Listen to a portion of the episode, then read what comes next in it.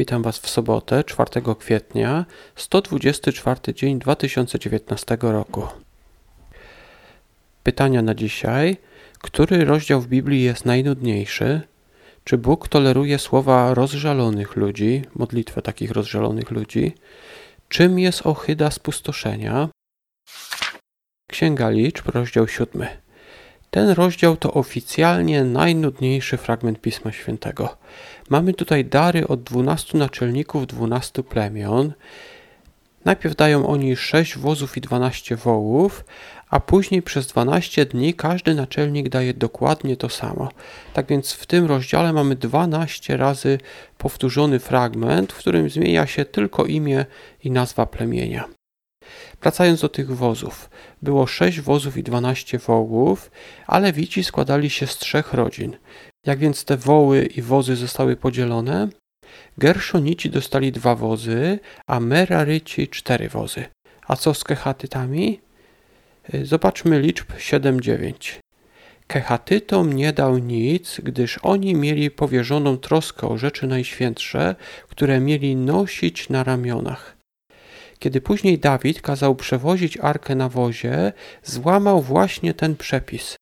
Gerszonici i Meraryci przewozili część przybytku na wozach, ale Kehatyci ci mieli nosić te najświętsze rzeczy, w tym właśnie arkę, ołtarz i parę innych rzeczy. Y, co do samej świątyni, samego tego przybytku, arcykapłan mógł wchodzić tam do najświętszej części przybytku, ale mógł to robić tylko raz w roku, w dzień przebłagania. Te przepisy jednak wszystkie nie dotyczyły samego Mojżesza. Zobaczmy liczb 7:89. Gdy Mojżesz wchodził do namiotu spotkania, aby rozmawiać z nim, chodzi tutaj o Boga, słyszał mówiący do niego głos nad przebłagalni, która była nad arką świadectwa, pomiędzy dwoma cherubami. Tak mówił do niego. Tak więc Mojżesz mógł wchodzić do przybytku, mógł wchodzić do świątyni, do tej najświętszej części codziennie i tak chyba właśnie było. Księga Hioba, rozdział 10. Myślę, że rozżalenie Hioba sięga w tym rozdziale zenitu. Na przykład Hioba 10.2 mówi tak. Nie potępiaj mnie, powiem do Boga. Dlaczego dokuczasz mi, powiedz? To rozżalenie wynikało innymi z tego, że Hiob nie wiedział, że to szatan jest odpowiedzialny za jego stan. Ktoś mógłby jednak twierdzić, że Bóg przecież pozwolił, aby szatan y, robił te różne rzeczy Hiobowi, co jest oczywiście prawdą. Pamiętajmy jednak, że ludzie postanowili odejść od Boga i wtedy właśnie wpadli pod władzę szatana. Ale nawet wtedy Bóg ograniczył jego władzę. Na przykład nie pozwolił zabić Hioba. Czego to nas uczy? Szatan chciałby zrobić krzywdę ludziom i rzeczywiście ją robi w tym systemie rzeczy, jednak Bóg nie pozwala zrobić takiej krzywdy, która byłaby trwała. Marka, rozdział 13. Tak jak w Mateusza 24 rozdziale, tak tutaj mamy znaki ponownego przyjścia Chrystusa. Tymi znakami są wojny, choroby, trzęsienia ziemi, ale najciekawszy znak jest dość tajemniczy – Marka 13 rozdział, werset 14. A gdy ujrzycie ohydę spustoszenia, zalegającą tam, gdzie być nie powinna, to chczyta niech rozumie. Wtedy ci, którzy będą w Judei, niech uciekają w góry. Czym jest ta ohyda spustoszenia? W równoległym sprawozdaniu Mateusza w rozdziale 24 powiązano ją z tym, co mówił prorok Daniel – Najprawdopodobniej chodzi o Daniela 8 rozdział 27, który to fragment mówi tak. Utrwali on przymierze dla wielu przez jeden tydzień, a około połowy tygodnia ustanie ofiara krwawa i ofiara z pokarmów. Na skrzydle zaś świątyni będzie ohyda ziejąca pustką i przetrwa aż do końca, do czasu ustalonego na spustoszenie. E, tą ohydę zwykle wiąże się z posągiem, który postawił Antioch IV Epifanes w świątyni. Zauważmy jednak, że, że to postawienie tego posągu przez tego Antiocha stało się na długo przed przyjściem Jezusa, a tu Jezus zapowiada przyszłe wydarzenia. Kiedy więc pojawiły się pogańskie symbole w świątyni? Było to w 66 roku, kiedy prawie zdobyto Jerozolimę, a potem w 70, gdy Jerozolima została zdobyta przez Rzymian. Rzymskie legiony niosły y, takie bóstwa przed sobą. Były to rzymskie orły, które traktowano właśnie jak swego rodzaju bogów.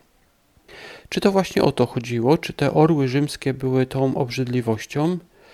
No, trudno może to powiedzieć tak dokładnie. Najważniejszy jednak chyba werset w Marka 13 rozdziale to jest werset 37. Lecz co wam mówię, mówię wszystkim, czuwajcie. Uczniowie Jezusa mieli zatem zwracać uwagę i obserwować, czy te znaki się nie spełniają. Czym więc jest ta ohyda spustoszenia, okaże się pewnie tuż przed ponownym przyjściem Chrystusa. Psalm 111. Ten psalm to akrostych, czyli każda linijka zaczyna się w oryginale od kolejnej litery alfabetu. W wielu Bibliach można znaleźć tekst przedzielony właśnie takimi literami. Na przykład tak, werset pierwszy.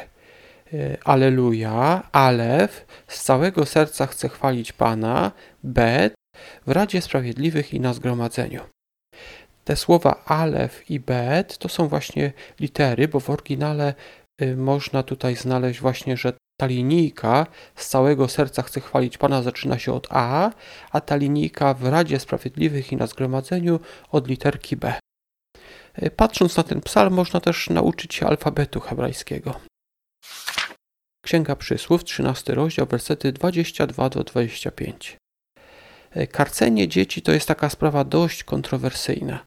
Wielu ludzi mówi o tym, żeby nie karcić dzieci wcale, inni mówią, że trzeba bardzo ostro to robić. E, co mówi Biblia? Księga Przysłów 13:24.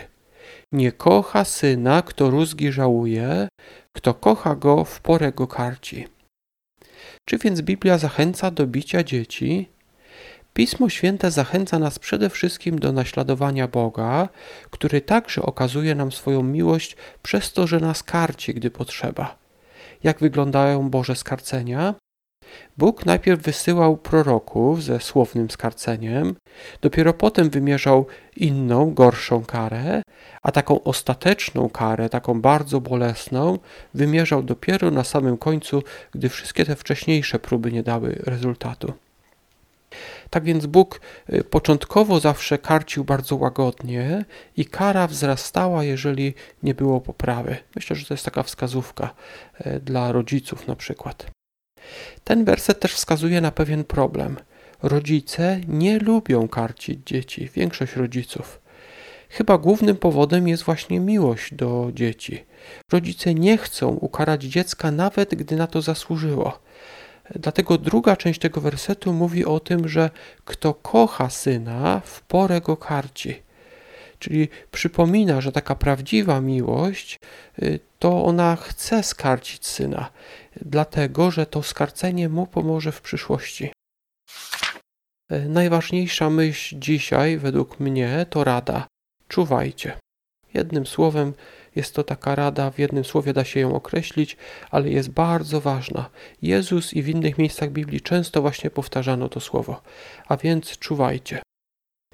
Na dzisiaj to wszystko. Do usłyszenia jutro.